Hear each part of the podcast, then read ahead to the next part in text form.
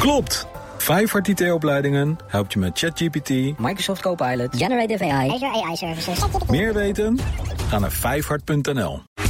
Tech Update. We gaan naar Conor Klerks. Goedemorgen. Elizabeth Holmes is schuldig bevonden, maar op de strafmaat moeten we nog lang wachten. Ja, we zeiden vorige week al dat ze inderdaad schuldig Ja. bevonden is aan, eh, aan fraude.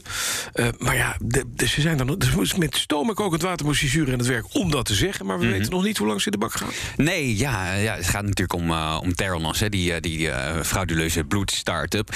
Ehm, Holmes, de voormalige topvrouw daarvan, die hoeft voorlopig nog niet de cel in. Want ondanks dus die jury die haar op vier van de elf eh, ehm, eh, punten eh, op fraudegebied ehm, eh, oordeelde dat zij Ja. de bak in moest, heeft een Amerikaanse rechter beslist dat er pas in september wordt besloten hoe lang dat wordt. Ehm ja, die uitspraak die duurt eigenlijk zo lang omdat... eh, eh, eh, ja, het had eerder gekund. Het zou eigenlijk Ja. ook al snel moeten gebeuren. September? Ja, alle betrokken partijen, zijn de dus eh, zowel de advocaten als de aanklagers, hebben gezegd: wacht maar even met die strafmaat. Want tegen september is er namelijk ook bekend, als het goed is, of de voormalig operationeel directeur en de voormalig partner van Holmes, Sunny, Balwani, ook schuldig is Ja. bevonden. Ehm, en dat aparte eh, proces dat was uitgesteld vanwege de pandemie, maar dat gaat in maart beginnen. Ja. En zou dus voor september ook afgerond Ja, dan kunnen ze, kunnen ze samen de bak in. Ja, dat zou wel gezellig zijn. Ja, gezellig zijn het eh, als ex-partners. Ze hebben elkaar echt de tent uitgevochten, ook in de rechtszaal. Hè. Ze heeft gezegd dat ze misbruikt is op eh, fysiek en mentaal gebied... door minister Ja. Di Balwani. Die heeft gezegd dat zij gek is. Nee, dat wordt gezellig daar.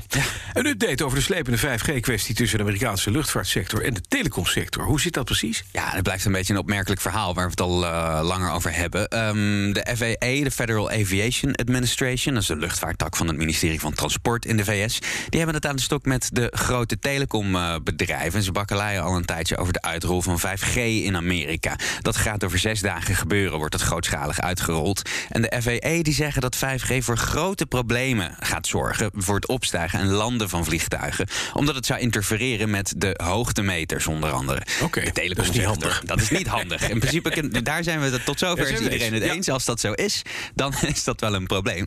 Maar de telecomsector die zegt: nee joh, we hebben al in zoveel landen 5G uitgerold. En daar hebben we nergens hier dit soort problemen.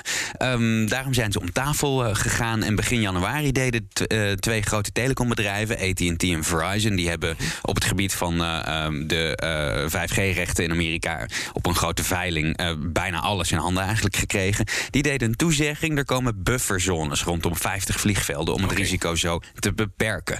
En de dag van de uitrol, dat had, had ook eigenlijk al eh 5 januari moeten gebeuren. Ja. Dat is nu dus eh, opgeschoven naar over zes dagen. Maar vandaag, en dat ga ik wel even in de gaten houden, komt de FAA met een nieuw rapport over de potentiële impact van 5G op die hoogtemeters. Dat schrijft Reuters. En ze gaan ook eh, vertellen op welke locaties die problemen nou het grootst zouden zijn, als er dus echte problemen zijn. Ja. En ook wel handig, ze gaan kijken naar het type hoogtemeters dat gebruikt Er wordt. natuurlijk veel verschillende. Er zijn veel verschillende. En als er eh, types zijn die eh, minder eh, gevoelig zijn voor 5G, ja, dan is het natuurlijk wel een goed idee misschien om die in die andere vliegtuigen ook maar in te bouwen. Ja, dat zou handig zijn. Dan ben je misschien van een klein probleem verlost. Precies, ja. Cijfers over de wereldwijde verkoop van computers dan. Want dat is weer hard gestegen uiteraard. En we zijn lekker aan het thuiswerken. Ja, inderdaad. Ja, vorig, vorig jaar een toename te zien van 15% ten opzichte van 2020, eh, schrijft nu.nl vanmorgen. Komt inderdaad door het thuiswerken, door het thuisstuderen. Vorig jaar zijn er eh, zo'n 340 miljoen nieuwe computers verscheept. En de vijf grootste merken qua marktaandeel zijn op dit moment Lenovo met 24%, gevolgd door HP met bijna 22%, Dell met zo'n 17% en Apple en Acer maken de top 5 compleet. Die zijn dus kleiner dan Lenovo en HP. Ja. Jeetje. En dan een jonge Duitse IT-expert, die heeft waarschijnlijk even die vijf merken, eh, of misschien alle vijf in zijn kamer staan.